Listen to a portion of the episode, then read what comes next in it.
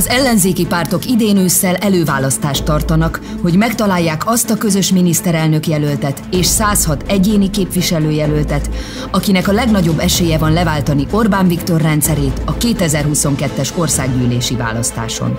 A következő egy órában élőben a Partizánon Szabolcs-Szatmár-Bereg megye kettes számú választókerületének jelöltjei mutatják be, milyen lenne szerintük hazánk a Fidesz legyőzését követően, hogyan képzelik el a magyar társadalom jövőjét, és milyen megoldásaik vannak a választókerület legsúlyosabb problémáira. A vita résztvevői dr. Kis Krisztián, az Új Világ Néppárt jelöltje, Aranyos Gábor, az MSP és a párbeszéd jelöltje, valamint dr. Gyüre Csaba, a Jobbik Magyarországért mozgalom jelöltje. A helyszínen már itt van a vita moderátora, Gulyás Márton.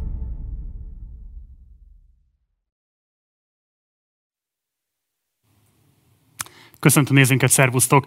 Élőben jelentkezünk Lökről, ahol a negyedik napja tart az előválasztási vitasorozata a Partizánnak. Ennek keretében ugye 32 egyéni választókörzetet eresztünk össze, hogy az ottani jelöltek közül a legjobb meg tudja mutatni magát, és aztán majd segítse ez a választását annak, hogy pontosan kit részesítenek előnyben az ellenzéki szavazók az előválasztás során. A viták sugárzásában média partnerünk a 444, így a vitákat nem csak a Partizán, hanem a 444 felületein is lehet követni. Ha lemaradtál volna valamelyik vitáról, és utólag szeretnéd visszanézni, vagy pedig tájékozódnál arról, hogy hol lesznek a következő viták, kik csapnak össze, illetve esetleg szeretnél eljönni valamelyik vitára, és élőben is követni az eseményeket, akkor regisztrálni is tudsz azon az oldalon, minden további információt elérsz. Ez az előválasztás 22.hu, tehát erre a címre kell menned, hogyha szeretnél tájékozódni. Van még egy honlapja ennek az előválasztási vitasorozatnak a 444 keretén belül is, a 444.hu per partizán oldalon szintén érheted a legfontosabb információkat. Ha pedig lemaradtál volna valamelyik vitáról, illetve szeretnél nem csak esténként kapni egy másfél órás vitákat, hanem összefoglalókat is, akkor iratkozz fel a 444 napindító hírlevelére, a reggel négyre, ami minden reggel 7 órakor összefoglalóan elküldi, neked, elküldi neked az előző nap legfontosabb pillanatait az előző napi vitákból.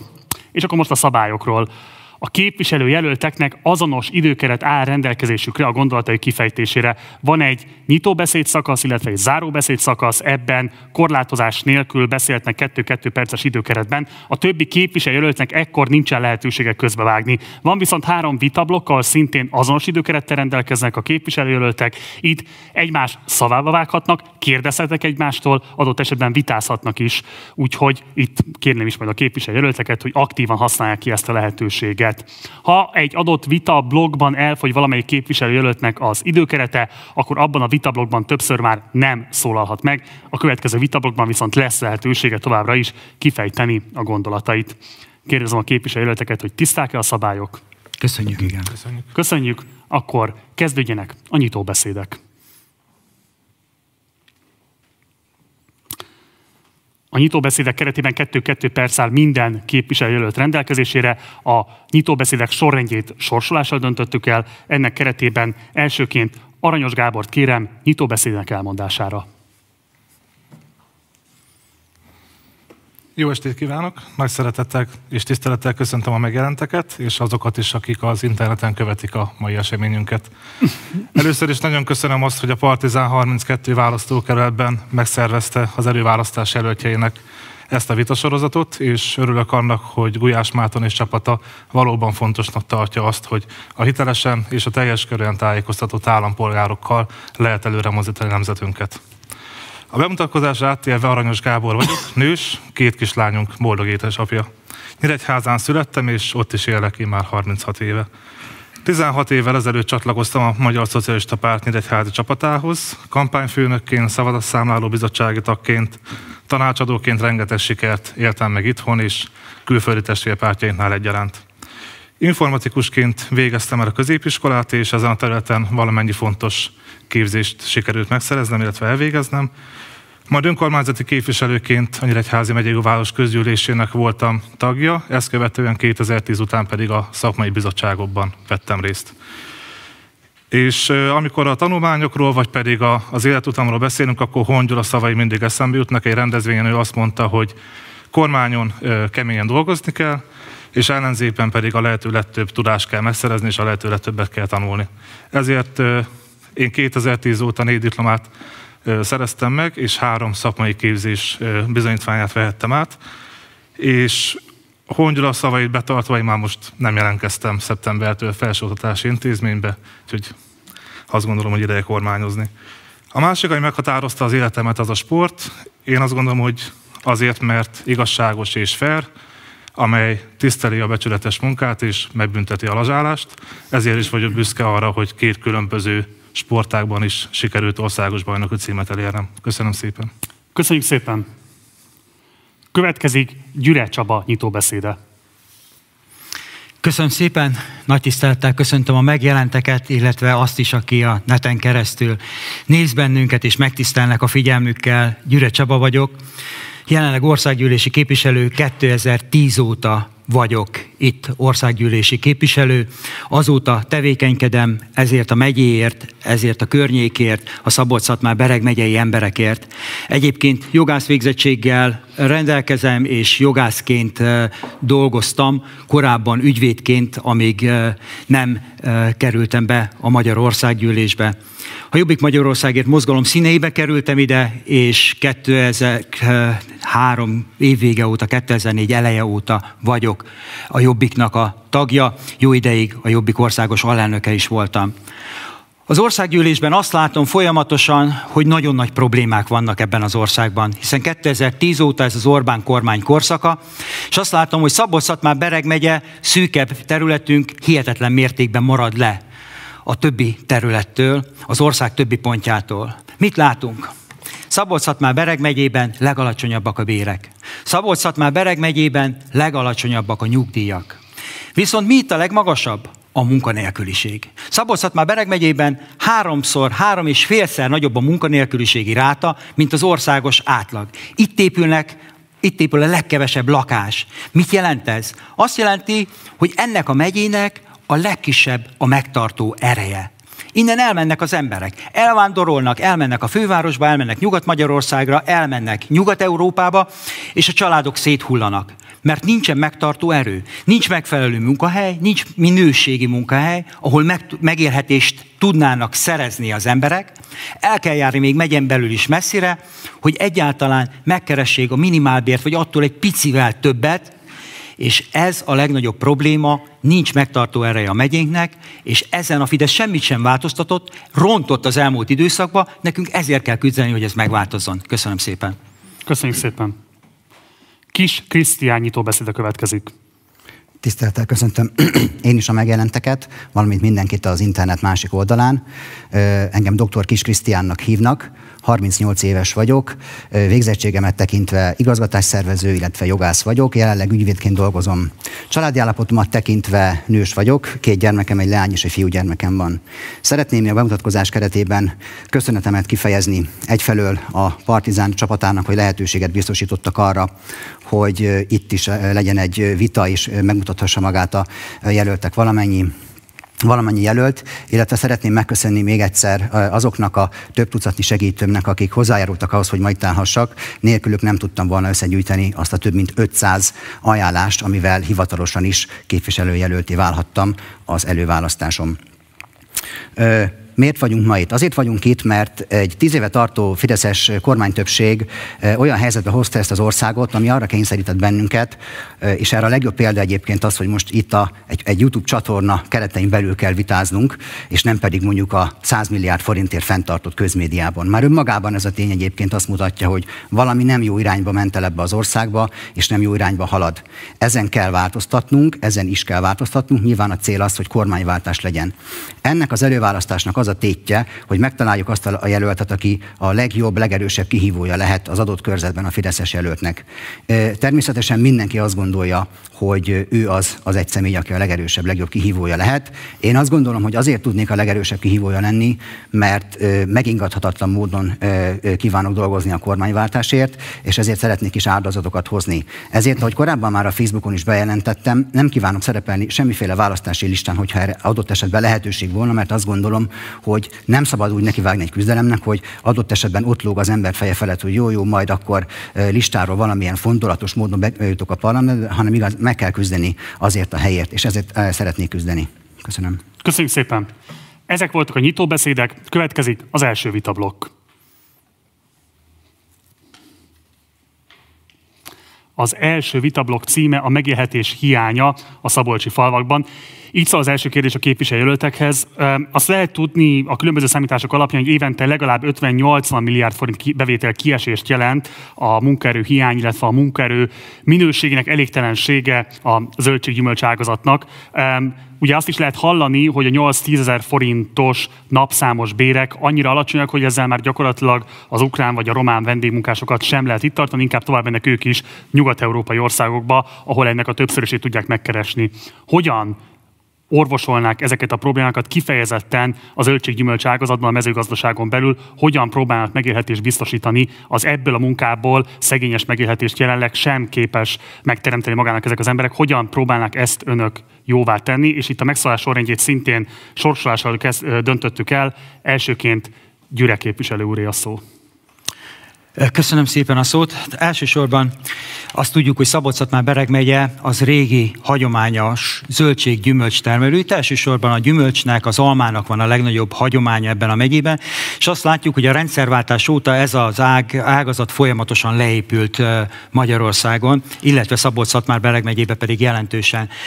Én azt gondolom, hogy a 70-es években még a vidéki lakosság, tehát aki nem a nagyvárosokban lakott, vagy a közepes városokban, hanem a falvakban, azoknak körülbelül a fele pótolta a fizetését az almából, illetve a krumpliból, vagy esetleg más zöldségből, illetve gyümölcsből, és ebből itt meg lehetett élni. Itt jelentős volt még az állattartás is, hiszen a, a falvakban e, például láthattuk azt, hogy jelentős e, tehén állomány volt, illetve szinte mindenkinek volt lábasjószág, és szinte mindenki tartott sertéseket is. Ez a rendszerváltás ezt valahogy teljes mértékben megszüntette. Erre a kormányok egyáltalán nem figyeltek oda, hogy itt kellene, újra kellene figyelni Szabolcs-Szatmár-Bereg megyére, és arra sem, hogy ez egy nagyon fontos uh, megélhetési formája a vidéki embereknek, és ennek a gyakorlatilag ennek a megszűnése ennek az ágazatnak az azt jelentette, hogy megszűnt a vidéknek a megtartó ereje, a falvaknak a megtartó ereje gyakorlatilag megszűnt. Egy olyan problémát kell látni Magyarországon, és sajnos ez a Fidesz kormány idején, az Orbán kormány idején jelentősen rosszabbodott a helyzet, hogy gyakorlatilag a Magyarországon nagyon szűk eh, réteg kezében vannak a termőföldek. A termőföldeknek a kétharmada az a 10%-os, vagy még 10%-nál is kisebb, kisebbségnek a tulajdonába, illetve használatába került. Ezáltal megszűnt... képviselő, csak annyit szeretnék kérni, hogy már a diagnózist értjük, de hogy konkrét javaslatot fogalmazzon meg, hogy megválasztása, megválasztása esetén hogyan orvosolni ezeket a problémákat. Értettem. Igen. Tehát elsősorban itt a felvásárlás jellegét kellene megváltoztatni, illetve arra kellene odafigyelni, hogy megfelelő szakképzés legyen. Tehát mindent először is az, ma az oktatás oldaláról kell elindítani. Sajnos szabolcs már Bereg megyében azt látjuk, hogy a társadalomnak egy nagyon, jó, nagyon nagy rétege semmilyen formában nem, vett, eh, nem vesz részt a szakoktatásban, a szakképzésben, ezért az elhelyezkedésük a munkaerőpiacon nagyon-nagyon nehézé válik. Ez egy nagyon súlyos probléma. Eh, ezek elméletileg bekerülhetnének a mezőgazdaságba, és dolgozhatnának akár, ahogy eh, szerkesztő mondta, napszámosként, de sajnos azt látjuk, hogy a közmunka és a közmunka program, ez nem azt hozta Magyarországon, hogy ez visszahozta volna a lakosságot, a, a leszakadt rétegeket a munkaerőpiacra, hanem azt látjuk, hogy egy langyos vízbe maradnak ezek az emberek. Tehát ezen kell változtatni, ezek, ezt a réteget kellene visszahozni a mezőgazdaságba, a Fejezze be igen, csak. igen, tehát az, hogy el tudjanak itt helyezkedni, hogy legyen is igény arra, hogy elhelyezkedjenek, és hogy ez megélhetést nyújtó pénzt, jövedelmet tudjon számukra hozni, ez lenne a legfontosabb, igen, és akkor... Jó, nagyon köszönöm. Csak szeretném, hogyha marad ide még a későbbi kérdésekre is. Aranyos képviselőt úr. Köszönöm a szót.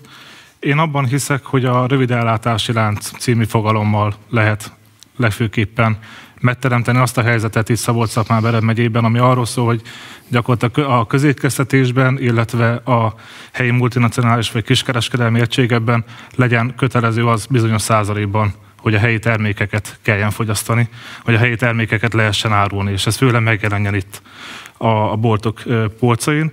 És a másik része pedig az, hogy ez egy tisztességes magatartás kell, hogy legyen a, a kereskedelmi láncok részéről. Transzponens módon meg kell mutatni azt, hogy igen, ez a helyi termelők értéke, ismerjét meg a vásárlóközönség azokat az embereket, akik ezt a, ezeket a termékeket megtermelték, hiszen nagyon nagy hozzáadott tudás van ebben. És a másik része pedig az, hogy mindenképpen fontos része az oktatása, hogy képviselő is elmondta, hiszen egy agrárkamarának például nem politikai testületnek kell lennie, hanem egy valódi szakmai testületnek kell lennie, ami igazából arról szól, hogy gyakorlatilag mindegy közösség szervező, egy agrárkamarai tagnak mindenképpen arra kell bíztatnia a gazdákat, hogy a múltból a tapasztalatokat merítsük, a jelen, jelen pontosan ismerjük, és egy olyan jövőképet, egy olyan jövőt adjunk a, gazdáknak, a termelőknek, amelyben a legfrissebb kutatási, ismeretek rendelkezésre állnak, a legfrissebb olyan szerek, olyan hat, hatékony módszerek, amivel még jobban, hatékonyabban tudnak termelni,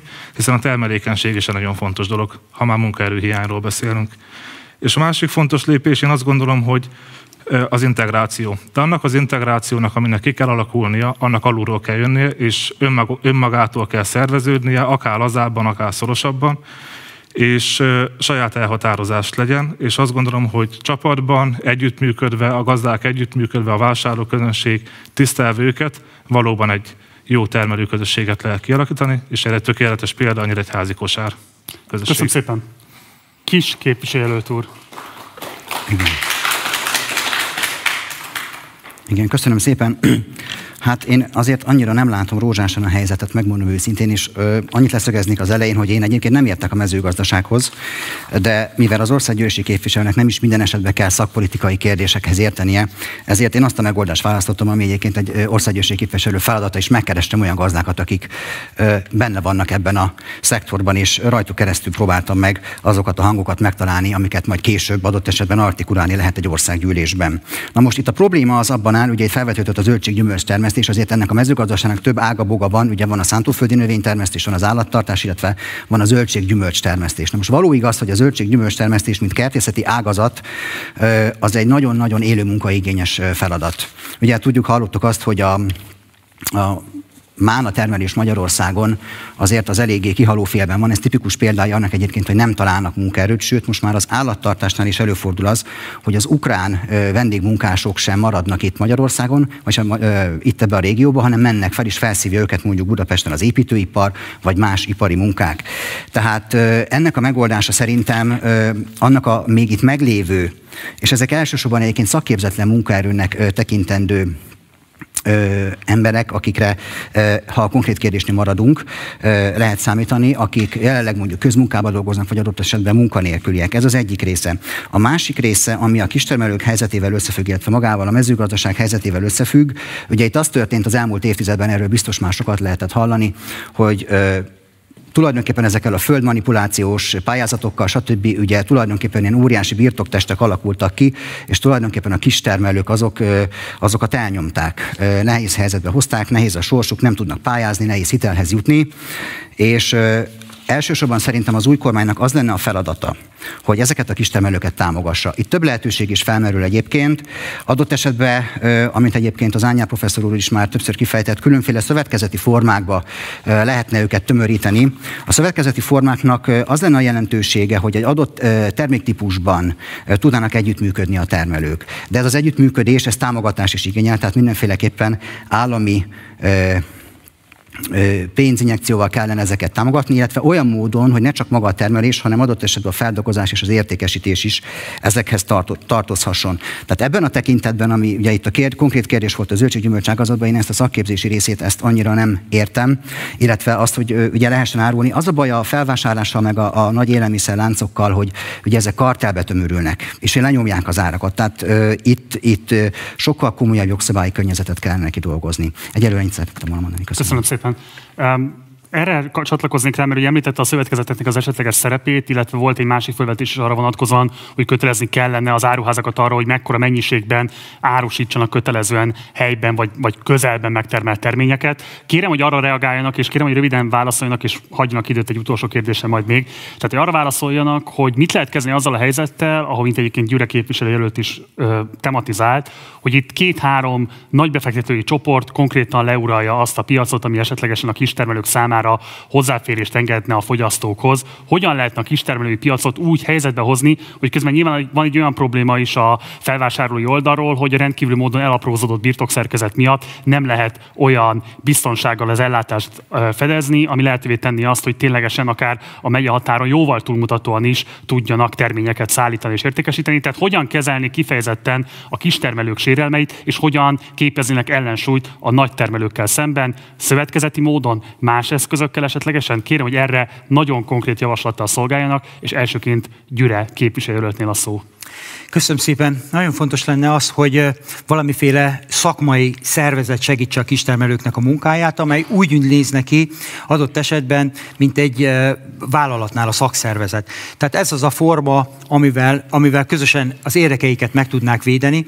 Azt kell látni, hogy az elmúlt időszakban a, a gazdaszervezetek azok elsősorban valóban politikai munkát, tevékenységet végeztek, nem pedig szakmai tevékenységet. A Fidesz kormánynak annak idején még 1998-2002 között volt egy nagyon jó ötlete, ez a családi gazdaságoknak a, az erősítése. Itt elsősorban itt a pályázati rendszert kellene átalakítani, a, a, a családi gazdaságokat kellene erősíteni. Az, hogy a családi gazdaságok azok megfelelően tudjanak dolgozni, legyen anyagi hátterük, amivel beruházni tudnak, és amivel minőségi termékeket tudnak előállítani, olyan technológiákat kellene számukra biztosítani, illetve nagyon fontosnak tartanék még egy problémát, ez pedig az önellátó falu, amivel szintén a helyi munkaerőt lehetne felszívni azzal, hogy a, a, a bevonnánk ezeket a személyeket, akik alulképzettek ezekbe a, a mezőgazdasági munkákba, és a, a településnek az önellátását meg lehetne biztosítani. Egy gyors kérdést engedjen meg, ön támogatná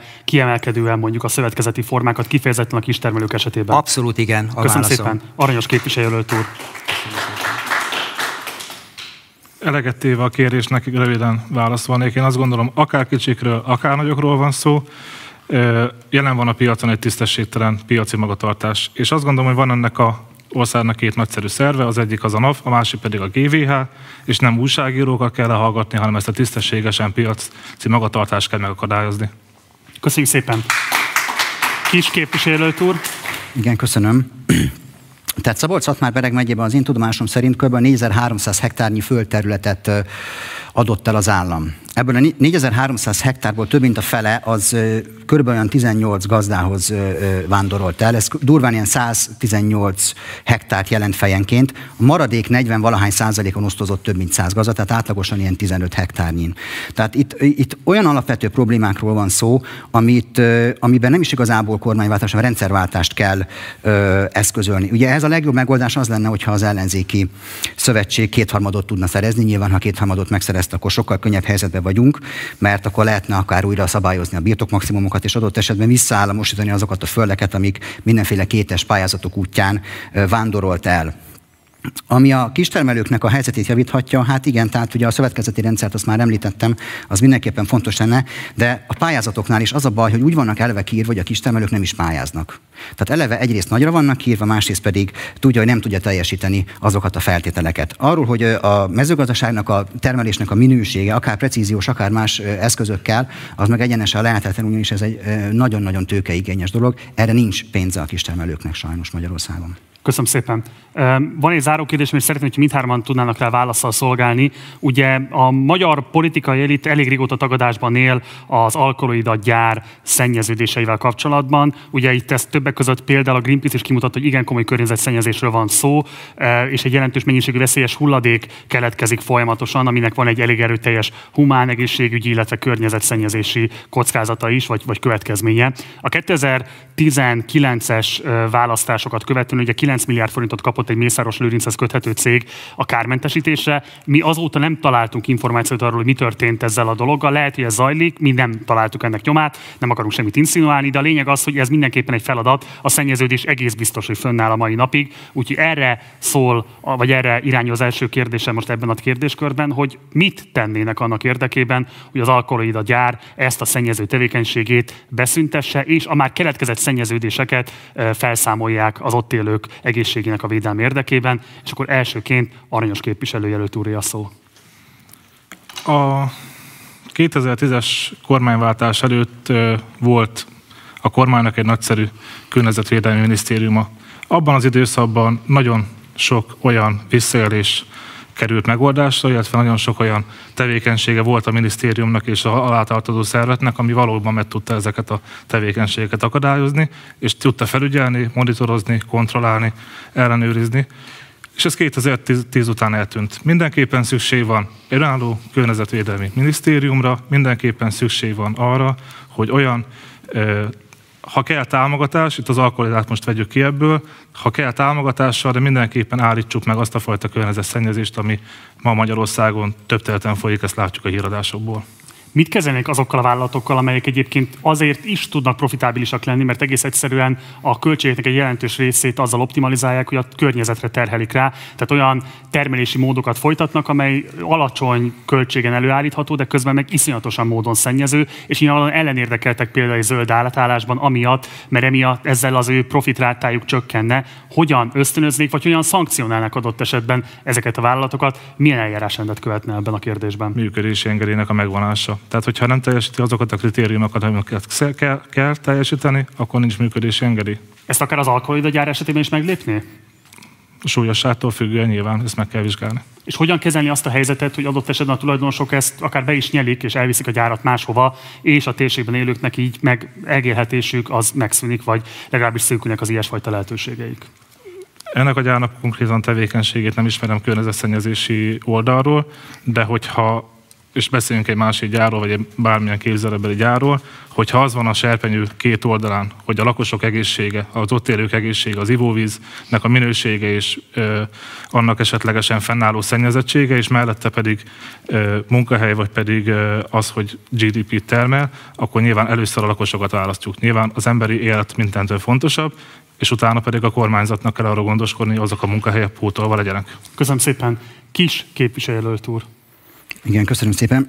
Tehát az alkara gyárhoz visszatérve, illetve más környezetszennyező tevékenységet végző gyárhoz, hát mégiscsak ugye az EU-ban vagyunk. Ugye nyilván az EU-nak vannak különböző jogszabályai, vannak különböző nemzeti mutatószámok is, tehát a környezetvédelem alapvetően ilyen hatósági feladat, állami feladat. Úgy nem lehet környezetvédelmi normákat, szabályokat betartatni, hogy adott esetben mondjuk valamilyen módon nem figyel oda úgy a hatóság, mert mondjuk a, a gyáraknak az érdekeit helyezi előtérbe. Én is ezt tudom mondani, mint képviselő képviselőjelölt társam, igen, tehát ha most az alkaloidára térünk vissza, valóban elég komoly szennyeződéseket generált, legalábbis voltak erre kimutatások. Hát most bezárnánk-e, vagy nem zárnánk be, nyilvánvalóan, tehát a választanunk, hogy vagy meghalunk, vagy munkát kell keresnünk, nyilvánvalóan, akkor itt a válaszhoz kétség sem férhet. Tehát azt gondolom, hogy egy olyan kormánynak kell lennie, aki a környezetvédelmi szempontokat mindenek előtt fontosnak tartja, még adott esetben azon az áron is, hogy, hogy az az adott gyárnak a megszűnését, vagy esetleg el kell gondolkodni azon, hogy meg lehetne valami más módon vásárolni, illetve befektetni. Hát látunk erre például a Mátré erőműnél, azt hiszem, hogy itt is volt valami hasonló jellegű dolog. Köszönjük szépen. Gyüre Csaba. Köszönöm szépen. Egyet szeretnék először is leszögezni, hogy az alkaloidára szükség van. Más kérdés az, hogy hogyan van szükségünk rá. Környezetszennyező alkaloidára van szükségünk, vagy nem. Az alkaloida évtizedek óta nagyon komoly munka lehetőséget biztosít a környéken élő lakosságnak, ezért szükség van rá, de az is biztos és tény, amit szerkesztő elmondott, hogy itt nagyon komoly környezetszennyezés következett be, amelyet mi is ismerünk, és valóban a felszámolás folyamatban lenne, de hogy ez milyen mértékben folyik-e, erről valóban nincsen tudomásunk. Bocsánat, egy gyors kérdés, csak le fog járni az ideje. Ugye a Tiszavasványnak egy meghatározott időben egy korábbi képviselő társa volt a polgármestere, ugye Fülöp beszélünk, aki jelenleg a Mi Hazánk mozgalomnak a képviselője. Már kilépett tőlük. Kilépett. Már kilépett. Rendben, akkor függetlenül országgyűlési képviselőként van jelenre a parlamentben, ugye fölhagyta, vagy ott hagyta Tiszavasvárit. Hogyan értékel az ő tevékenységét kifejezetten annak a fényében, hogy polgármesterként azért lett volna lehetősége például konkrét felméréseket tenni, annak érdekében, hogy lássuk, hogy pontosan milyen szennyezést fej ki az alkaloida, illetve adott esetben akár fel is számolja, vagy megindítsa a felszámolását ennek a szennyező folyamatnak. Mit gondol erről? Én nagyon jól ismerem ezt a folyamatot, Fülöp pedig folyamatosan jobbikos polgármesterként figyelemmel kísérte ezeket az eseményeket, folyamatosan a kormányzatot és a jobbik vezetését is arra szorította rá, hogy minél jobban hívjuk fel a figyelmet, hogy ezt minél hamarabb fel kell számolni. Itt volt egy korlátlan privatizáció, és most pedig elfogyott az idő. Köszönöm szépen. Van még Aranyos Gábornak 1 perc, 18 másodperc ebben a blogban. Kérdezem a képviselőjelölt urat, hogy kívánja-e használni az időkeretét. Nem kívánok, köszönöm szépen. Köszönöm szépen. Ez volt az első vitablok, következik a második vitablok.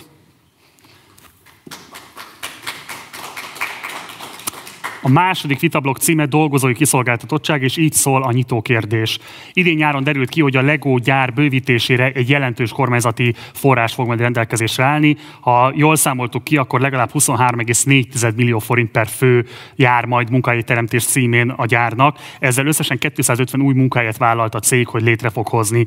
Ehhez képest hír ugye, hogy 2020 áprilisában a Continentalból 127 főt bocsájtottak el, tehát a mérleg igencsak vegyes képet mutat. Ráadásul felveti azt a kérdést, ezek a foglalkoztatás bővítő, munkahely teremtő támogatások, amik a multinacionális vállalatokhoz vándorolnak, ezek nem feltétlenül fenntartató és nem feltétlenül stabil munkahelyek. Eközben a kis és középvállalkozások például a Covid válságot rendkívül nehezen vészelték át, és ilyesfajta nagyvonalú támogatás az évtizedben nem állt a rendelkezésükre átalakítanák-e, megtartanák-e, mit kezdenének a mostani kormányzati fejlesztés politikával, hogyan néznek ki kormányváltás esetében a multinacionális és a KKV szektornak juttatott támogatásoknak a szisztémája, és akkor itt elsőként kis képviselőjelölt úri megszólás lehetősége. Jó, köszönöm szépen.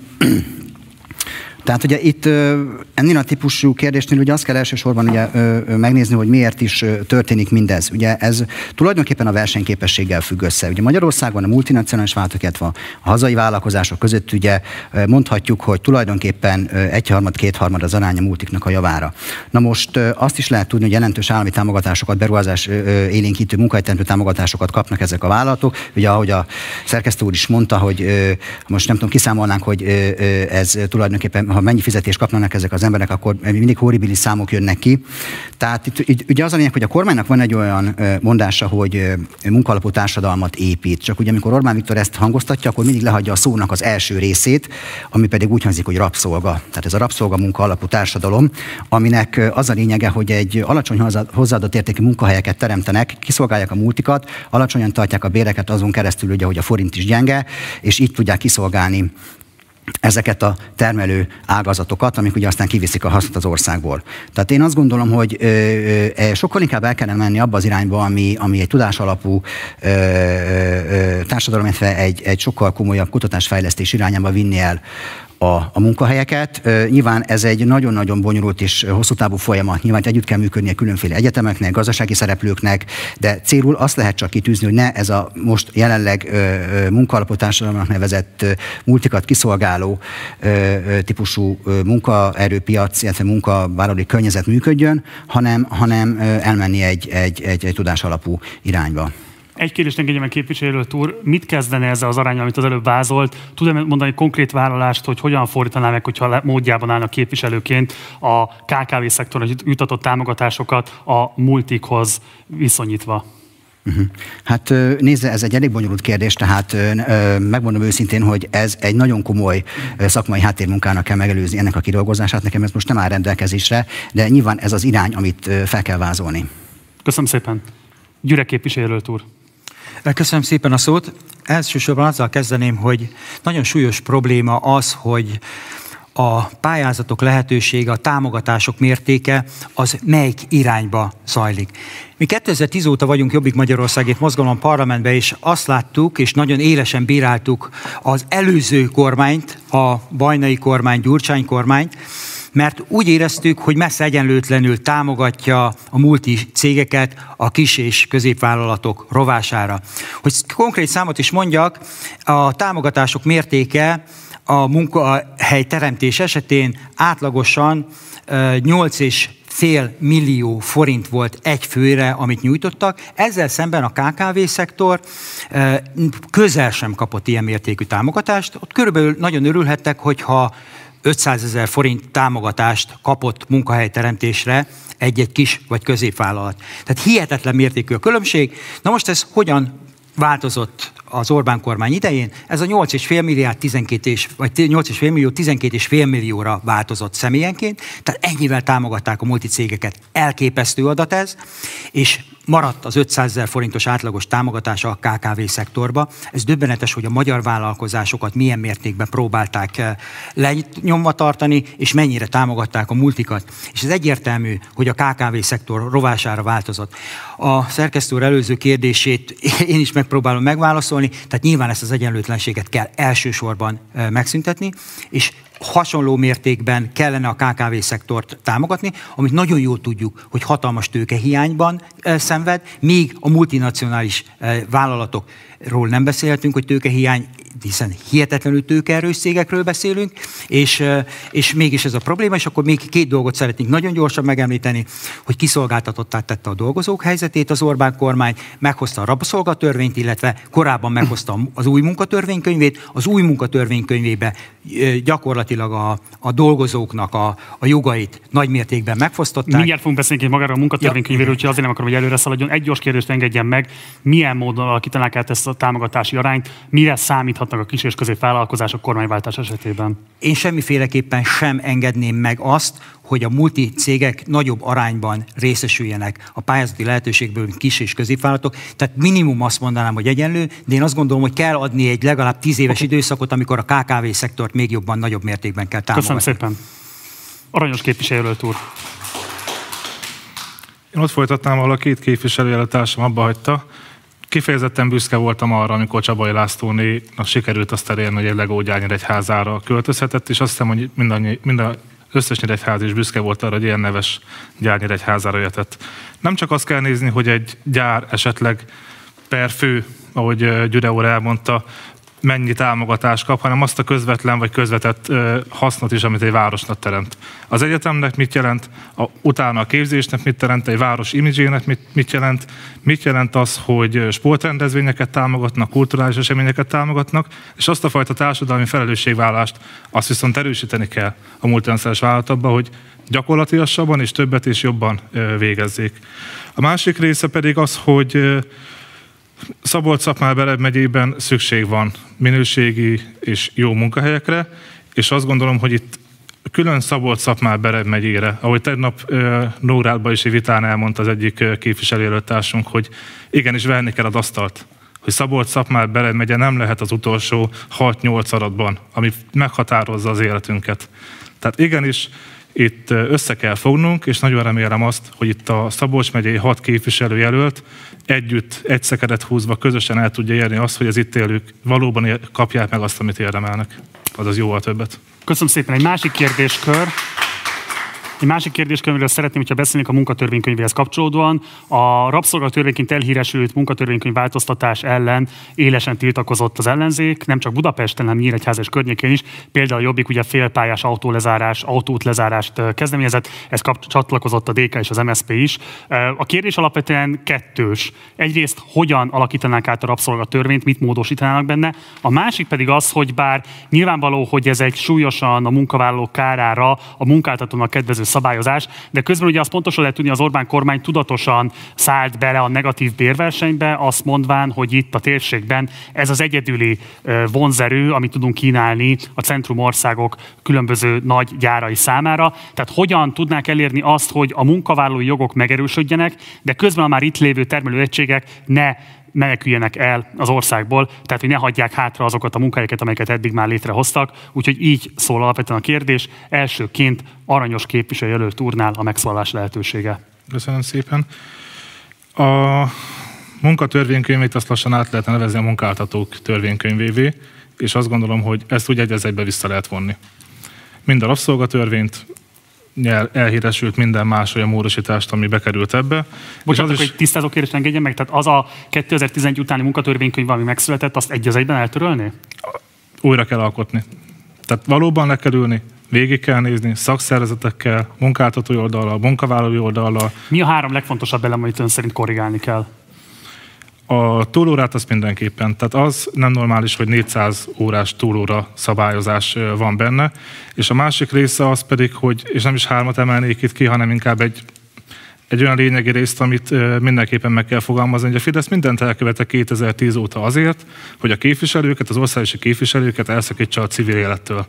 Egyre kevesebb kapcsolatuk lett a civil élettel, és nem tudom, miért tudtak meghozni egy ilyen törvényt. Egyszerűen nem bírom felfogni, hogy egy ilyen törvényt hogy lehetett megszavazni, hiszen látjuk azt, hogy ez gyakorlatilag azt tette lehetővé, amit nem egy állásinterjún, ha elmondják esetleg ismerősök, akkor lehet hallgat, hallani, hogy van a hétfőtől péntekig tartó 8 órás munkavégzés, amit megfelelő még egy szombati munkavégzéssel. Tehát ez, én azt gondolom, hogy mindenképpen ö, teljes mértékben újra kell tárgyalni, és ö, és valóban abban az irányba kell menni, hogy legyen meg az a család és munkahely egyensúly.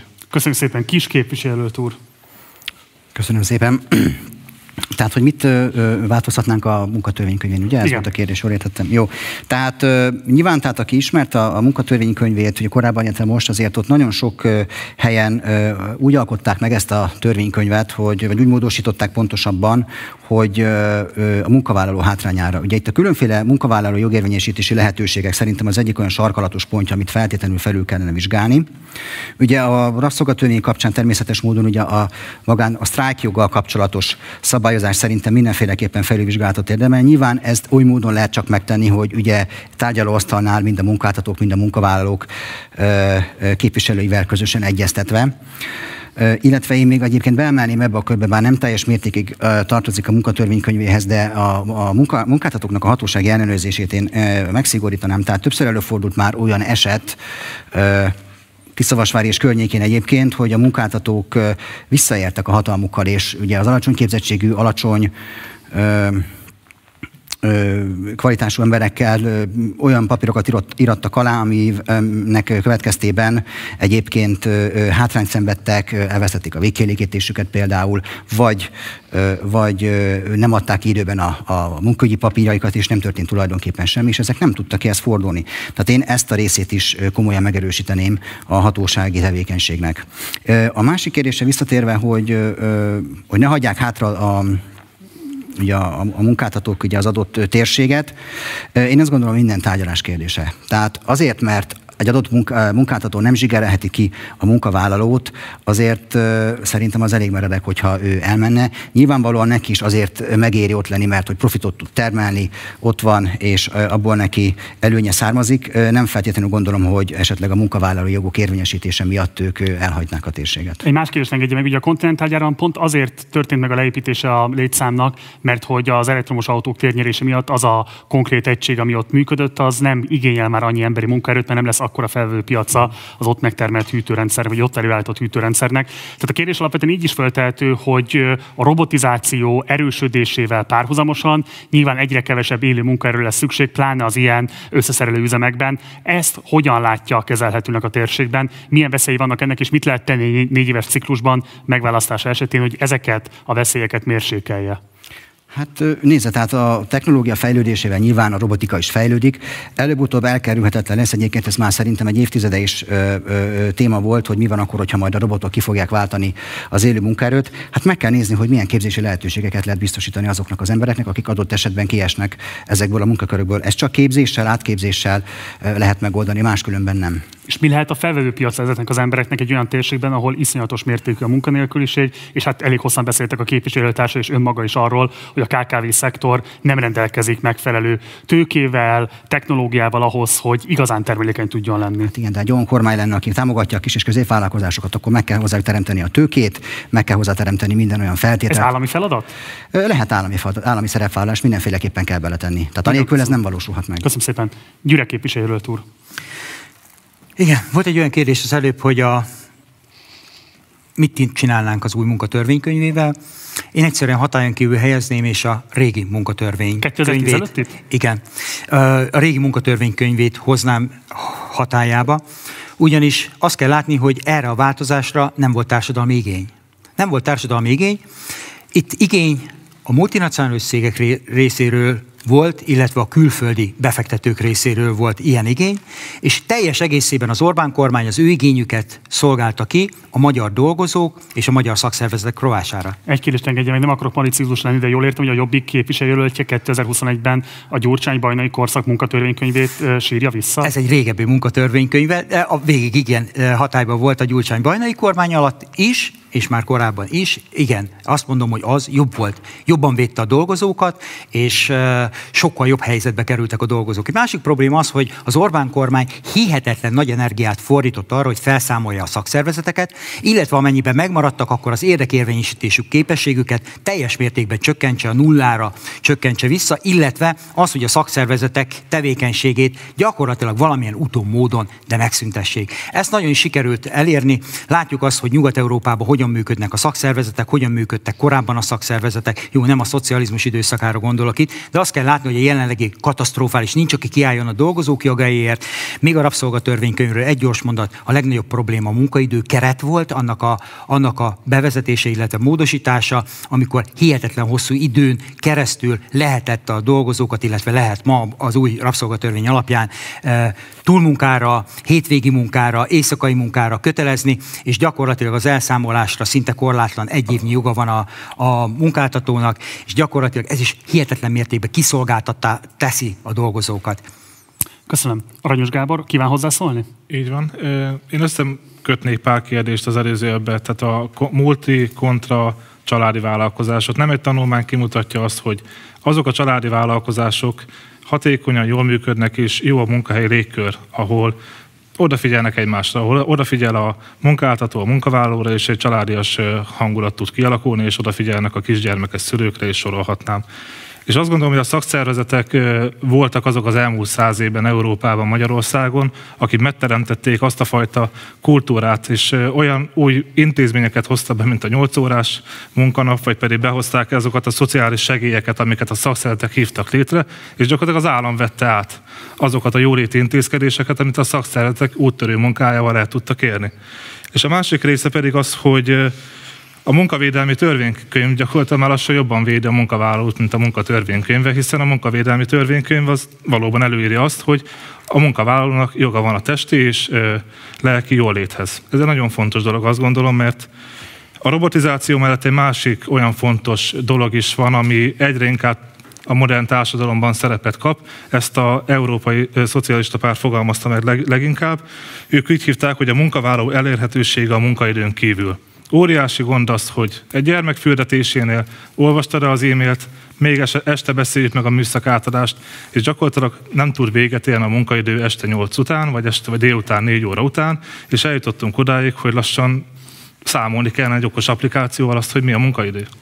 Engedje meg egy kérdést, hogy a szakszervezetekre hivatkozott, hogy akkor pont a rabszolgatörvény ellenes megmozdulások mutattak rá arra, hogy mennyire drámai, olyan alacsony a szakszervezeteknek a társadalmi beágyazottsága. Ez ugye részben nem 2010 után alakult ki, ez egy minimum 30 éves, lehet, még korábbra datálható problémakör. Egész egyszerűen a szakszervezetek nem tudnak olyan intenzitással jelen lenni eh, a munkahelyeken, a munkavállalóknak a hétköznapjaiban, hogy kialakulni egy természetes kapcsolat szakszervezet és munkavállalók között.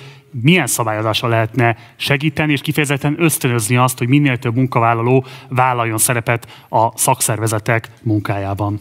A szakszervezet tud lenni egy család a, munka, a munkahelyeken, és egy nagyon régi javaslatunk, nagyon régóta mondjuk, hogy a szakszervezetetnek is lehessen az egy, adó egy százalékot felajánlani. És nagyon régóta mondjuk azt, hogy az egyháznak megvan a szerepe a szociális segítésben, és ezt nagyon jó példákon keresztül be is lehet mutatni, de a szakszervezetek is fontos segítséget nyújtanak. Azt gondoljuk, hogy az adó 1 plusz 1 százalékot is kaphassák meg a szakszervezetek, és abból a forrásból el tud indulni újra az a munka, amit régebb óta várunk, hogy elinduljon megint. Tehát jól értem, hogy akkor kezdeményezni megválasztása esetén azt, hogy az adó, személyi jövedelem adó 1%-át fel lehessen ajánlani szakszervezetnek. Egy, plusz egy. Egy plusz egy.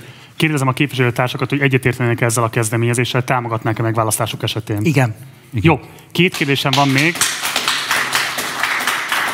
Két kérdésem van még, amire szeretném, hogyha válaszolnánk. Az egyik az az, hogy a minimálbér adómentességét visszavezetnék? Ez az egyik kérdés, amire válaszoljanak, legyenek szívesek. A másik pedig az, hogy a ciklus végére milyen vállalást tudnak megfogalmazni a munkavállalók részére, mekkora lesz a minimálbér minimum összege, és a megszólalás sorrendje kis képviselőjelölt úrtól tart, aranyos képviselőjelölt úr felé.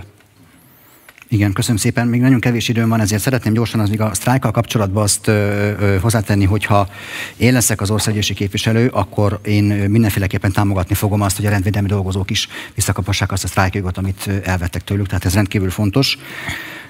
A visszatérve a minimálbér adómentességére, mindenféleképpen azt gondolom, hogy az egy, az egy hasznos és nyilván az alacsony keresetűek számára egyébként egy fontos dolog, de én minimálbér adómentességénél még egy olyan dolgot szeretnék azért hozzátenni, amit én megfogalmaztam már korábban, tehát én teljes mértékig adómentessé tenném a kafetéri jutatást, és lehetővé tenném azt a munkáltató számára, hogy készpénzt adhasson a munkavállalónak a munkabér felé. Tehát mondjuk aki 200 ezeret keres, nyugodtan odaadhasson 100 ezer forintot, ha azt nyilván az bevallja, semmiféle adókötelezettség nem jár, és nem terhelni a költségvetést. Köszönöm. Lejárt az ide, de egyetlen egy számot szeretném, hogyha mondana, hogy néz neki az önjavaslatában a minimálbér minimum összege, a ciklus végéig egy összeget szeretnék hallani. 2025-ig? Vagy 26-ig? 26-ig. 26-ig. Nem, nem, nem, nem fogok Jó, jó, oké, köszönöm. köszönöm. Gyüle képviselőt úr. Igen, köszönöm szépen. Minimálbér adómentessége az első kérdés. Egyértelműen támogatjuk. A Jobbik 11 éve harcol ezért minden ezzel kapcsolatos felszólalásában az országgyűlésben, tehát maximálisan támogatjuk a minimálbérnek az adómentességét, és nem is tudunk másképp ezt nem is tudjuk elképzelni.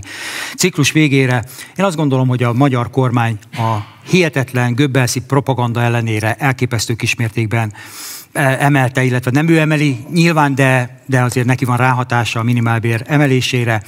Nem véletlen, hogy Szlovákiában, Romániában és mindenütt nagyobb, magasabb most már a környező országokban minimálbér, mint Magyarországon. Ezt jelentősen minimum egy nettóba egy 40% kal kellene emelni nagyon rövid idő alatt, tehát ez egy minimum 200 ezer forintos nettó összeget jelent, amit én ebben meghatároznék, amennyire szükség lenne.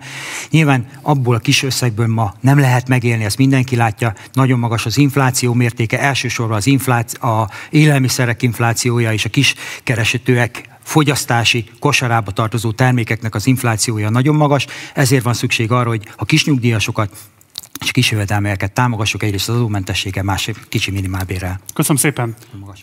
Aranyos Gábor. Az első kérdésre válasz igen, a második kérdésre pedig a garantált bérminimum, bérminimum területén pedig szerintem a 250 ezer forint nettó az elérhető. 2026-ig. Igen. Köszönöm szépen. Aranyos Gábornak maradt még 7 másodperc, ezért kérdezem, hogy kíván élni a hátrő idejével képviselőtől. Köszönöm szépen. Jó. Ez volt a második vitablok, következik a harmadik és egyben utolsó vitablok.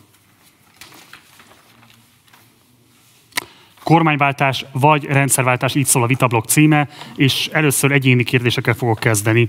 Gyürek képviselőt úr, ön 2012-ben beadott a halálbüntetés visszaállítására irányuló kezdeményezést a parlamentbe, amit akkor nem vett tárgy sorozatba a kormány. Úgy érvelt akkor idézem, az emberölés minősített esete kapcsán bírói mérlegelés alapján van helye a halálbüntetés kiszabásának megválasztása esetén beterjesztene egy újabb ilyen törvényjavaslatot, elvárná az országgyűléstől, hogy tárgyalja ezt, szeretné, hogyha elfogadna az országgyűlés a halálbüntetést?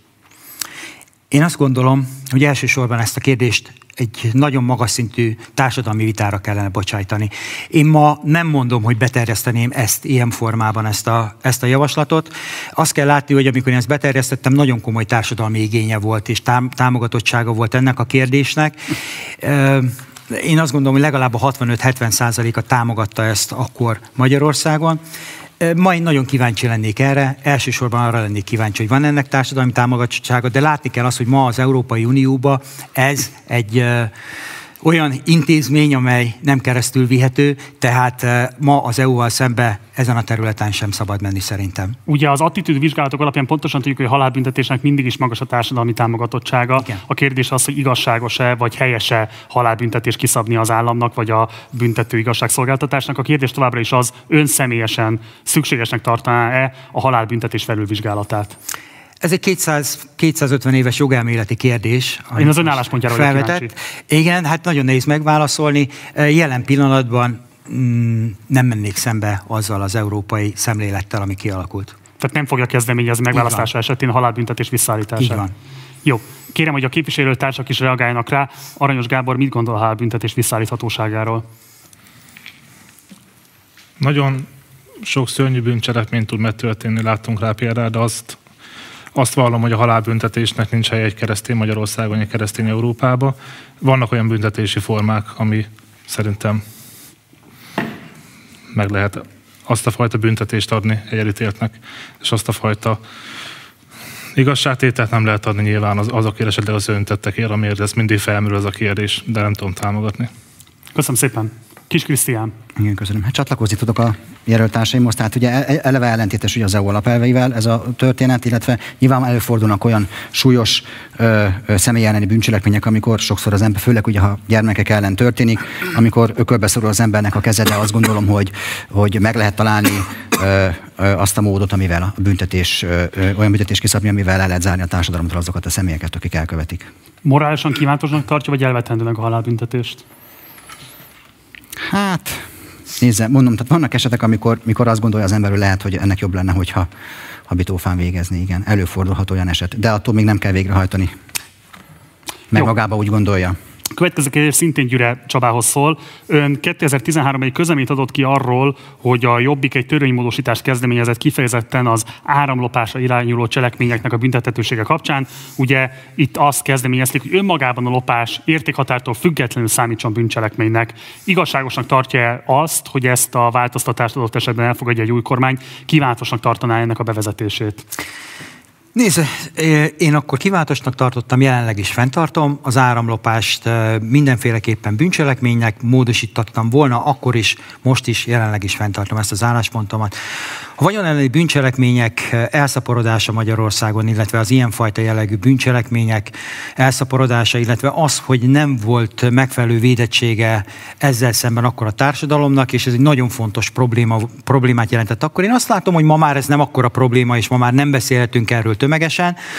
Ezen el lehet gondolkodni, hogy már szükségszerű Én azt gondolom, hogy akkor mindenféleképpen szükségszerű volt.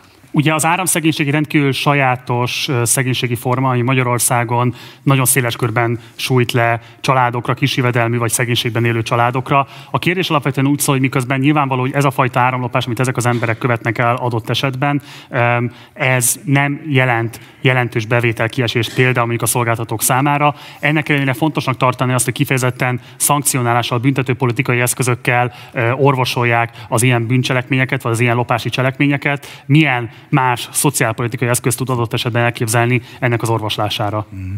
Én itt vitatkoznék önnel, mert véleményem szerint igenis ez nagyon elszaporodott volt, és bizony jel, szerintem jelentős bevételkiesést jelentett. Nem beszélve arról, hogy ennek van egy másik vonzata is, mégpedig a közbiztonságra vonatkozó, illetve a család biztonságára, hiszen hihetetlen mértékben nem tartották be azokat a, az előírásokat, amikor lopták az áramot. Szerintem rengeteg baleset volt, ami soha a KSH kimutatásában nem szerepelt. Ezektől is meg kell védeni adott esetben a egy-két-három éves gyerekeket, akik egy ilyen családi házban laknak, ahol lopják az áramot, és az áramot mindenféle uh, szigetelés nélkül viszik a televízióhoz, a hűtőhöz és ide tehát életveszély van a, ház, a házban, a családban. Ezt is ki tudjuk vele küszöbölni. Tehát én azt gondolom, hogy ezért is lenne, lett volna akkor főleg nagyon fontos. Más kérdés, hogy uh, nyilván uh, olyan munkahelyteremtő beruházásokat kell folytatni, amivel amivel munkát tudunk adni annak a rétegnek, amely teljes mértékben kiszol, képzetlen, teljes mértékben kiszolgáltatott, és olyan megélhetést kell biztosítani, hogy legalább a minimálbért meg tudják keresni, nem pedig azt az 53 ezer forintos közmunkás bért, amiből gyakorlatilag se áramot, se élelmiszert, se fűtést nem tud magának vásárolni. Tehát ezen kell változtatni, ezt a lehetőséget meg kell adni mindenki számára, hogy legalább a minimálbért, aki egészséges, meg tudja keresni, és nyilván a szociális rendszert úgy kell módosítani, hogy akinek nincsen megfelelő egészségi állapota, azoknak pedig, hogy a megfelelő megélhetés biztosító szociális háló az részükre rendelkezésre álljon. Másként teszem fel a kérdést. Az áramszegénység az egy büntetőjogi vagy egy szociálpolitikai kérdés? Mind a kettő. Jó. Aranyos képviselőt úr, kérem, hogy reagáljon a képviselőtársának a szavaira. Az áramlopás ellen egy nagyon jó módszert, hogyha ez szegénység jobból következik be, akkor ez egy nagyon jó módszer a feltöltőkártyás módszerint a mobiltelefonoknál, és azzal egy nagy, egy sor problémát meg lehet oldani, és nyilván adományozni is lehet ezeknek a családoknak egész egyszerű módon, hiszen feltöltőkártyán keresztül lehet áramot biztosítani számukra. És az áramlopásnak vannak esetei. Egészen más, amikor egy több ezer kilovatnyi áramot ellop egy, egy cég, vagy az, amikor éppen arra kell az áram, hogy a gyermek tudjon otthon készülni esetleg a következő napi órára, vagy a hűtő be legyen dugva. Tehát nyilván szociálpolitikai eszközökkel kell segíteni, hogy ne történhessenek meg olyan esetek, ami az, ebbe a megyébe aztán kifejezetten megtörténtek. Köszönöm szépen. Kis Krisztián. Igen. Hát csatlakozni tudok az előttem szólókhoz valójában. Szerintem sem már annyira elterjedt ez a, ez a típusú cselekmény, mint korábban volt. Igen, vannak kártyás órák. Én azt gondolom, hogy szociálpolitikai eszközökkel kell ezeket a típusú ö, családokat támogatni. Nincs más megoldás. Köszönöm szépen. Aranyos képviselőt úrhoz szól a következő kérdés. Um, ugye Kis Krisztiánt többek között a Mindenki Magyarországért mozgalom is indítja és támogatja, amelynek vezetője Márkizai Péter miniszterelnök jelölt is egyben. Ő igen éles kritikát fogalmazott meg az ön pártjának és jelölszervezetének miniszterelnök jelöltjéről, Karácsony Gergelyről, és megkérdezte az ő elköteleződését, vagy pontosabban attraktivitását a Nemzeti Együttműködés rendszerének leváltása kapcsán. Mit reagálna Márkizai Péter gondolataira? Mi az, ami bizonyítja Karácsony Gergely elszántságát? Karácsony Gergely szerintem egyrészt azért a én véleményem szerint a legjobb miniszterelnök jelölt, mert ebből a megyéből származik. És pontosan ez a megye az utolsó, ahogy beszéltünk is, perceken keresztül minden rangsorba. Tehát amikor majd lobbizni kell a megyének, akkor én tudom azt, hogy Karácsony Gergely az első számú olyan jelölt, aki biztos meg fog érteni, hogy ebben a megyében milyen problémák vannak. És a másik része pedig az, hogy nyilván előválasztási kampányban vannak éles kritikák, éles megfogalmazások. Én biztos vagyok abban, hogy Karácsony Gergő csapatban gondolkozik, és ennek a csapatnak a biztos, hogy ebben a része lesz Márkizai Péter is. Köszönöm, Kis Krisztiánhoz fordulok. Ugye önt részben az Újvilág Néppárt is támogatja, amelynek Pálinkás József miniszterelnök jelöltje a múlt héten nem tudta összegyűjteni megfelelő számú aláírást. Támogatja Márkizai Péter, aki ugye összegyűjtötte megfelelő számú aláírást, de ott van még a Jobbik is Jakab Péterrel. Ez három olyan markáns, konzervatív, jobboldali miniszterelnök jelölt, akik gyakorlatilag egymás elől veszik el a szavazatokat. Mi az, ami miatt Márkizai Péternek érdemes elindulnia, inkább sem, hogy támogatná azt a Jobbikot, amelynek egyébként 2018 2008-ban a megválasztását köszönheti Hódmezővásárhelyen, hiszen a Jobbik igen komoly erőforrásokat tett bele abba a kampányba, annak érdekében, hogy Márkizai Péter fordítson a városvezetésen. Uh-huh.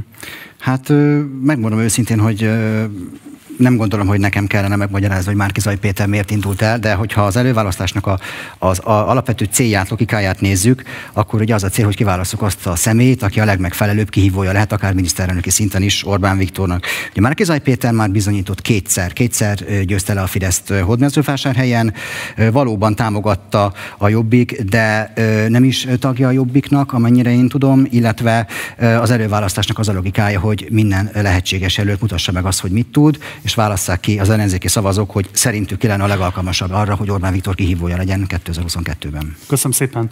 Egy másik kérdés Kis Krisztiánhoz. Ön ugye a 2019-es októberi helyhatósági választásokat követően egy feljelentést tett a Tiszavasvári Választási Bizottságnál arra hivatkozó, hogy a tízes számú választókörzetben a fideszes delegáltak presszionálták a roma származású szavazókat arra vonatkozóan, hogy szavazzanak a Fideszre. Ezt ugye a helyi választási bizottság egyébként helyt is adott ennek a panasznak. A kérdésem arra vonatkozna, hogy hogyan látja, és ez egyébként a többi képviselőtársára is vonatkozik, hogyan lehet elejét venni azoknak a választási csalásoknak, amelyek most már a 2000 2018-as, a 2014-es választásoknál is tapasztalatok voltak, nevezetesen, hogy a szegénységben élő kiszolgáltatott szavazókat, vagy direkt presszionálással, vagy másfajta e, nyomásgyakorlással próbálják rávenni arra, hogy a kormánypártokat részesítsék előnyben a szavazatukkal. Hogyan lehet egyrészt ennek elejét venni, és hogyan lehet minél több ember számára a szabad választás lehetőségét biztosítani, tehát nem stigmatizálni őket, hanem kifejezetten abban segíteni, hogy ne váljanak eszközeivé a kormányzati e, elnyomó politikának. Elsőként akkor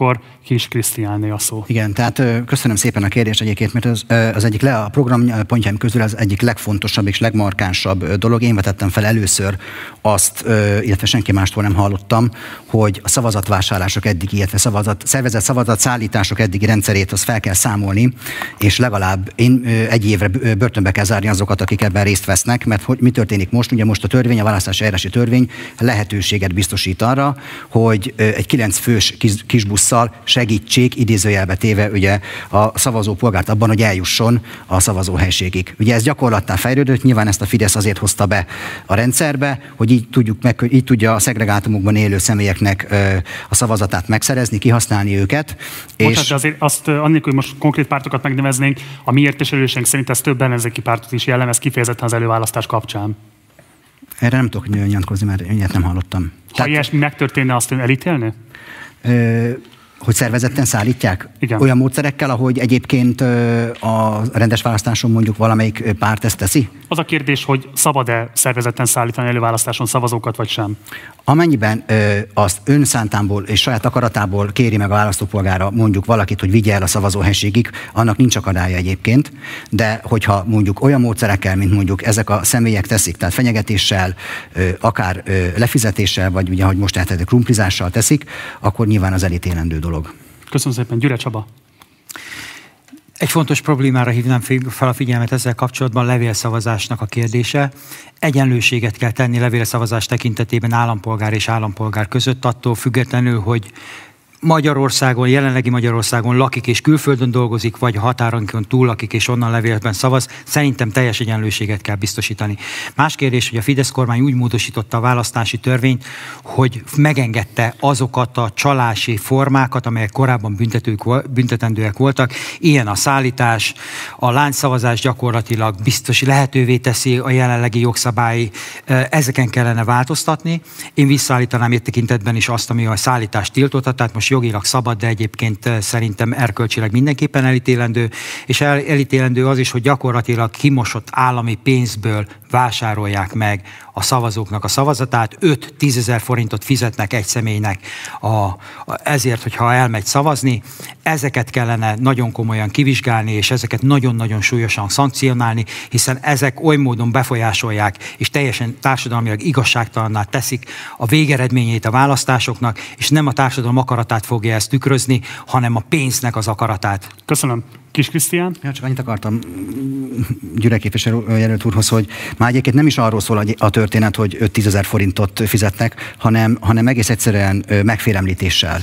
Tehát még pénzt adnak oda. Tehát vannak emberek, akik kapnak, ugye van fölül egy szervező, és akkor az leosztogatja maga pénzét, de sokszor már nem arról van szó, hogy ad egy-két ezer forintot, hanem egész egyszerűen elmennek érte, és erővel viszik el szavazni. Köszönöm. Aranyos Gábor? Nem azokat kell büntetni, akik kiszolgáltatott helyzetüknél fogva kihasználják őket, vagy felhasználják, hanem azokat kell büntetni, akik ezt megteszik. És a legszigorúbban, a legelrendettő módon, és a választási törvénynek olyannak kell lennie, ami minden egyes ilyen ö, etikátlan módszert a leges legsúlyosabban büntet, még BTK szinten is elég komolyan, mert vége kell annak vetni, ami ezt a sztereotíp, vagy nem sztereotíp, vagy valós, vagy nem valós dolgokat az országban eluralkodott, és súlyos büntetésre van szükség, azt gondolom. Mit reagál azokra a kritikákra, Mit reagál azokra a kritikákra, hogy a Magyar, Magyar Szocialista Párt, amely az egyik legnagyobb párt volt a 2010-es éveket megelőzően, már oda jutott, hogy nem tud érdemi ellensúlyt képezni például a térségben az ilyesfajta hatalomgyakorlással szemben. Mi a felelőssége a Magyar Szocialista Pártnak abban, hogy például a szavazatvásárlásoknak ezeket az egészen szélsőséges formáit a hatalom kvázi nagyobb ellenállás nélkül gyakorolhatja? A Magyar Szocialista Párt szerintem az elmúlt időszakban megtalálta azt a felelősségét, hogy neki hol van a, a, a szerepe abban, hiszen ha csak egy házára tekintünk, vagy a, a megyére az országra, nagyon sok helyen a Magyar Szocialista Párt volt a szervező ereje annak, hogy a törvény után létrejönnek azok az összefogások, ami alapján nem egy városban megtörtént az a, az a váltás, ami alapján szerintem biztossá, vehet, biztossá tehető az, hogy nem fog ilyen előfordulni azokon a helyeken, és minél több ilyen helyre van még szükség, ahol újra szabadok lesznek a városok. Köszönöm. Kis Krisztián. Akart, jelentkezett az előbb. Ja, igen, csak a, igen, tehát az én javaslatom is arról szól, hogy akik részt vesznek a szervezet szállításban, legalább úgy, úgy lakossuk meg BTK-ba, hogy legalább egy évet ö, kapjanak, illetve nyilván azért van rendőrség az országban, hogy ezeket a gócpontokat, ugye leginkább a, a szegregátumokra gondolok, ahol ez tömegesen előfordul jelenség, legyen rendőri jelenlét a választások, szavazásokor is, ki lehet szűrni ezeket egyébként. Köszönöm. A következő kérdés Gyüle Csabához szól. 2012-ben úgy fogalmazott, hogy nem csak úgynevezett cigánybűnözés, hanem idézem, cigányterrorizmus van Magyarországon. Ön úgy fogalmazott, hogy a cigány gyermekekben ma azt nevelik, hogy a saját fajtájukat tiszteljék, de a magyarokkal bármit meg lehet tenni. Fentartja még ezt a gondolatát? Ez akkor én teljes mértékben aktuálisnak éreztem, ezt tapasztaltam, ezt mutatta akkori, az akkori társadalmi viszonyok egyértelműen azt mutatták, jelen pillanatban ebben komoly javulást látok azok a cigánypolgártársak, akik vagy nézik az adást, vagy adott esetben a szavazáson szeretnének a szavazatukkal ön támogatni, meg tudja ígérni nekik, hogy amennyiben ön lesz a térség képviselője a parlamentben 2022-ben, úgy egyenlőként fogja tekinteni úgy a cigány, mint a nem cigány polgártársakat az országgyűlési munkája során. Természetesen. Meg Köszönöm szépen. Aranyos Gábornak 2 perc 5 másodperce, Gyüre Csabának 35 másodperce, Kis Krisztiának 1 perc 39 másodperce van. Kérdezem a képviselőjelölt urakat, hogy kívánnak élni még a rendelkezésükre álló időkerettel. Én egyetlen egy mondatot szeretnék még így összefoglalásként említeni, amit mindenképpen felírtam magamnak, az pedig az, hogy vissza kell adni, ez egy fontos cél a kormányváltás után, és kormányváltás nélkül is, hogy az embereknek vissza kell adni azt a hitet, lehető leghamarabb arra, hogy soha senki nem állhat a törvények felett. Ha már a törvények felett állás veti fel a képviselőt akkor egy kérdést még engedjenek meg. Ugye elhíresült mondása volt Pintér Sándornak, belügyminiszternek, hogy a koronavírus után 2010-ben kettő hét alatt rendet tesznek, most 2021 van, kérdés, hogy rend lette, vagy pontosan mit értett alatta, és mi lett most. Ezt mindenkinek rábízom a fantáziára, hogy eldöntse. A kérdés alapvetően úgy szól, milyen vállalást lehet érdemben tenni azért, hogy a valóban kimagasló bűnözési arányokon javítani lehessen, a közbiztonságot növelni lehessen, de közben az etnikai feszültségek szításától meg lehessen kímélni a magyar társadalmat, tehát hogy a bűnözésnek a felszámolása az ne egyben egy újabb megbélyegző gyakorlatnak a melegágya legyen egy következő kormányváltás esetében. A megszólalás sorrendje Kis Krisztiántól tart Aranyos Gábor felé, elsőként kis képviselőti a szó. Köszönöm. Tehát a közrend közbiztonság kérdése szerintem egy sarkalatos pont. Tehát ugye látjuk azt, hogy a, a koronavírus járvány alatt is, ugye amikor mindenféle kijárási tilalmak voltak, akkor ugye egy rendőr, egy katona volt, ugye azt a, azok a kósza hírek voltak, hogy nincs elég rendőr. Hát valóban azt lehet mondani egyébként, hogy nincs elég rendőr, tehát hagyják ott a, a pályát a rendőrök. Ugye ennek több oka is van, és jó egyébként, hogy ez ö, ö, most itt előjött, mert szeretnék ezzel kapcsolatban akkor egy-két gondolatot elmondani előjáróban. Tehát ami a rendőrségnél ugye említettem a sztrákjogot, szerintem az egy fontos dolog, tehát ez egy, ez egy határozott vállalás, erre számíthatnak rám, de még emellett van egy csomó olyan kérdés, amit fel kell vetni a rendőrséggel kapcsolatban. Ilyen például a korkedvezményes nyugdíjnak a kérdése. Tehát én azt gondolom, hogy a korkedvezményes nyugdíjat egy olyan, olyan szakmánál, mint mondjuk egy rendőrség, szerintem igenis vissza kell állítani. Mondjuk lehetne azt mondani, hogy legyen 30 év ez a korkedvezményes nyugdíj határ. Utána, ha úgy érzi az illető, hogy tud dolgozni, akkor természetesen maradhat, de azt, hogy amit ez a mostani rendszer van, már nem hatékony egy 65 éves, nem annyi hatékony egy 65 éves rendőr például, mint mondjuk 20 évvel azelőtt. Ez nagyon fontos, illetve az illetmény alapot is korrigálni kéne, tehát a katonáknál sokkal nagyobb az illetmény alap, mint mondjuk egy rendőrnél. Tehát én azt gondolom, hogy ezeket mindenféleképpen így kellene valahogy bevonzani azokat az embereket, akik most ott hagyták a rendőrséget, hogy lássanak benne potenciált és, és hívóerőt. Egy értelmező kérdés engedje még meg, ugye jól értettem az előbbiekben arra tett javaslatot, hogy például mondjuk azokba a veszélyeztetett szavazókörökbe, amelyek egyébként sokszor korrelálnak például az adott településen a szegregátumokkal, a rendőri jelenléte lehetne biztosítani a választás szabadságát azoknak a polgártársaknak, akik ki vannak szolgáltatva más erőknek helyben. Ugyanakkor azt is lehet tudni, hogy például az ő elnyomásuknak pont ezek a rendőrségi személyek is az eszközei, hogyan lehetne ténylegesen a választási szabadságot növelni azzal, hogyha magasabb lenne a rendőri jelenlét ezekben a térségekben? Hát a választás szabadságát úgy lehetne ö, ö, biztosítani, hogy egyrészt, hogyha a választási eljárási törvényt módosítjuk, ehhez kétharmados felhatalmazás kell. Ugye, mert most hiába megy oda egy rendőr, ugye, mivel törvény adta lehetőség az, hogy szállítsa a szavazókat, ezért nem tudja megakadályozni. Tehát az én javaslatom nyilván abban az esetben értelmezhető, hogyha sikerül kormányváltást elérni, és abban az esetben bűncselekmény törvényi tételévé tennénk ezt a szervezet szállítást, akkor a rendőrnek már lenne joga fellépni. Egyébként Köszönöm. is vannak rá technikák. Köszönöm. Gyure Csaba. Konkrét kérdésre konkrét válasz szerintem egy ciklus alatt, egy parlamenti ciklus alatt lehet változtatni, tehát a, a bűncselekményeket vissza lehet szorítani, a társadalmi együttélésen e, nagyon jól le lehetne változtatni. Azt látjuk, hogy a Fidesz e, elmúlt 11 év politikája nem szólt másról, a gyűlöletkeltésről, a társadalmi csoportoknak az egymás ellen uszításáról szólt, és ma is azt látom, én is voltam a Széles utcán, Tiszavasváriban, a szegregátumba aláírásokat gyűjteni, és még mindig látom azt a, azt azt, a, a, amit, amit a Fidesz hozott, azt a gyűlöletet, ami ellenünk irányult adott esetben, ezen kell változtatni, illetve a rendőrök Köszönöm. bérén kell változtatni. Köszönöm szépen. Aranyos Gábor? Nagyon fontosnak tartom azt, hogy a sztereotípiákat kerülni kell, és a megbélyezés meg végképp. Szociálpolitikai eszközök kellenek, szociálpedagógusok kellenek akár a rendőrök mellé. Tehát nagyon sok bűncselekmény meg lehet előzni valódi megelőzéssel, valódi prevencióval, és az oktatás ez egy kulcsfontosságú terület ezen a, ezen a részen is. El kell érni azt, hogy bölcsödékbe minél többen járjanak. El kell érni azt, hogy óvodákban a korai nevelés megjelenjen. El kell érni azt, hogy egy általános iskolában, főleg itt egy ilyen hátrányos helyzetű régióban, egy osztálylétszám mondjuk ne legyen 20 fő felett. Valóban oda kell figyelni azokra a gyermekekre, és meg kell menteni az ő életüket, mert egy jó pedagógus tényleg meg tud változtatni nagyon sok mindent. Köszönöm szépen! Egyedül önnek maradt még egy perc, egy másodperce felkívánja használni, vagy mehetünk tovább? Mehetünk tovább, köszönöm, köszönöm szépen. szépen. Ez volt az utolsó vitablok, következnek az áróbeszédek. A záróbeszédek során a képviselőjelölteknek ugyanúgy 2-2 perc áll rendelkezésükre, itt már nem reagálhatnak egymásra, tehát ki kell várniuk azt, amíg önökre kerül a sor, és akkor van lehetőségük elmondani a gondolataikat. Azt szeretném kérni, hogy a záróbeszédükben fókuszáljanak arra, hogy miért önök lennének a legjobb választás az előválasztáson résztvevők számára, miért önökre adják a szavazatukat a választópolgárok, mi az, ami megkülönbözteti önöket a többi képviselőtársuktól, és kérem, hogy használják a kamerát, és direktben a nézőközönséget szólítsák meg. A záróbeszédek sorrendjét szintén sorsolás szavazással döntöttük el. Az első beszédet Kis Krisztián fogja elmondani. Tessék. Köszönöm szépen. Hát mind bizonyára tudják, hogy előválasztás lesz 18-a és 26-a között.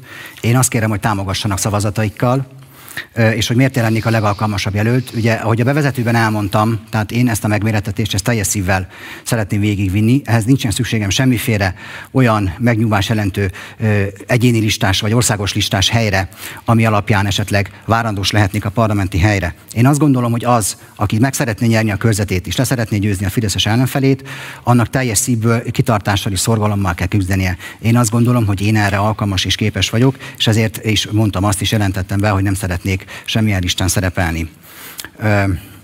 Ha megengedik, most gyorsan elmondanám azokat a programpontokat, amik a főbb vállalásaim. Ugye említettem a, a szavazat, szervezett szavazatszállító börtönbe zárását, szerintem ez egy nagyon fontos, hogy kiderült ebből a felvezető, a, az egész vitából. Tegyük adómentessé a kafetériát a munkavállalók számára, hogy lehetőségük legyen többletforráshoz jutni. Ez nem terheli meg egyébként a költségvetést, és most is rendelkezésre áll a munkáltatóknál. Garantáljuk törvényben, ami nagyon fontos ebben a térségben, hogy a fideszes kiskirályok helyett valódi fejlődés és valódi szabadság, demokrácia következzen be az önkormányzatoknál. Tehát garantáljuk törvényben, hogy minden önkormányzat kaphasson állami és uniós forrás, forrás politikai pártállása tekintet nélkül, azért, hogy fejlődhessenek a helyi közösségek. Csak azt szavazhasson Magyarországon, aki viseli annak a következményeit. Ez is nagyon fontos. A rabszolgamunka helyett valódi képzési rendszerre épülő, komplex munkahelyteremtő programra van szükség. Illetve nagyon fontos, amivel itt lehet sokat találkozni ebben a választókerületben, a rokkantak rendszere igazságosabbá és emberibbé kell tenni a jelenlegi rokkantsági ellátási rendszert, mert azok, akik ebben az ellátásban részesülnek, azok nem életet élnek, csak valamilyen szinten épp hogy meg tudnak élni. Köszönöm szépen, és kérem támogassanak szavazataikkal. Köszönjük szépen! Gyüre Csaba záró beszéde következik. Köszönöm szépen. Hát először is annyit, hogy az elmúlt 11 évben igen aktív országgyűlési képviselő voltam. 2020-ban a nyolcadik legtöbbet beszélő voltam a 199 országgyűlési képviselőből.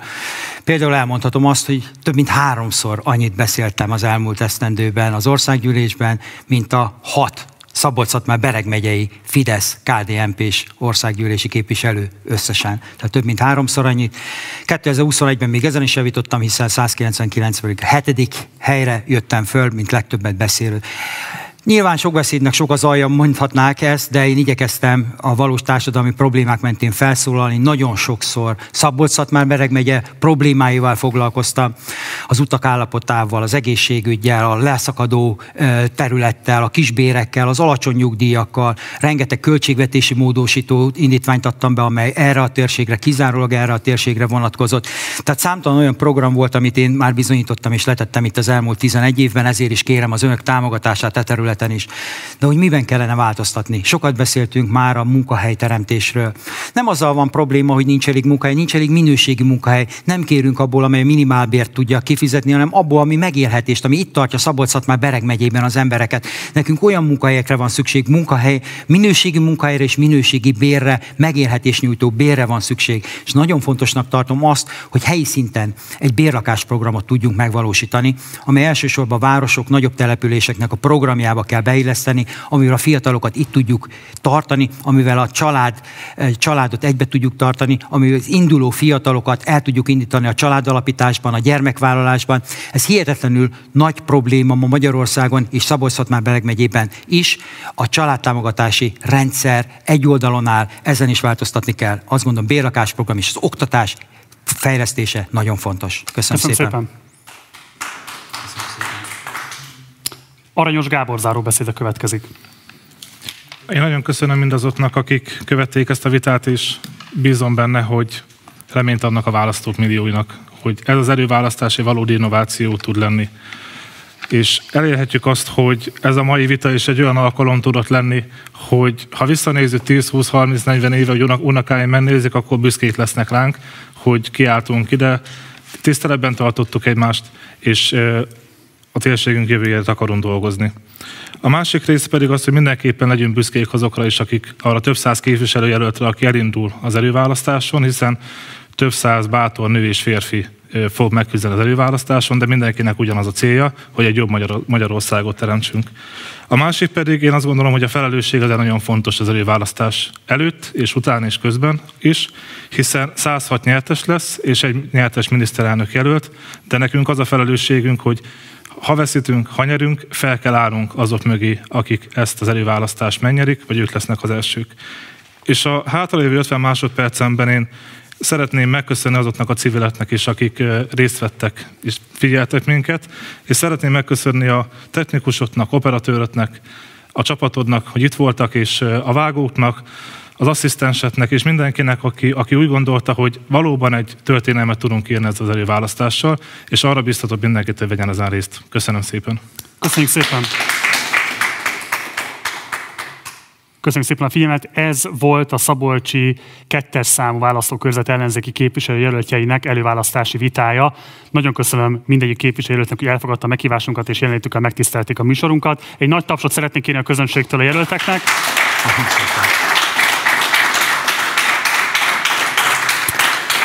Nektek pedig köszönöm szépen a figyelmet, ez volt már az utolsó vitánk, innen Tiszalökről jelentkeztünk élőben. Holnap nem jelentkezünk vitával, de ez nem jelenti azt, hogy ne lenne műsor, ugyanis este hatkor érkezik Karácsony Gergely miniszterelnök jelöltel készített politikai életút interjúm. Szombaton pedig újra vita lesz majd, mégpedig Székesfehérre jelentkezünk a Kisfaludi Közösségi Házból, ahol szintén kettő vitával készülünk nektek. 5 órától kezdődik az értközpontú Pest megye egyes választókerületének képviselő jelöltjei közötti vita, majd este 7 7 órától a Fejér egyes számú választókörzetnek képviselőjelöltjei fognak majd összecsapni.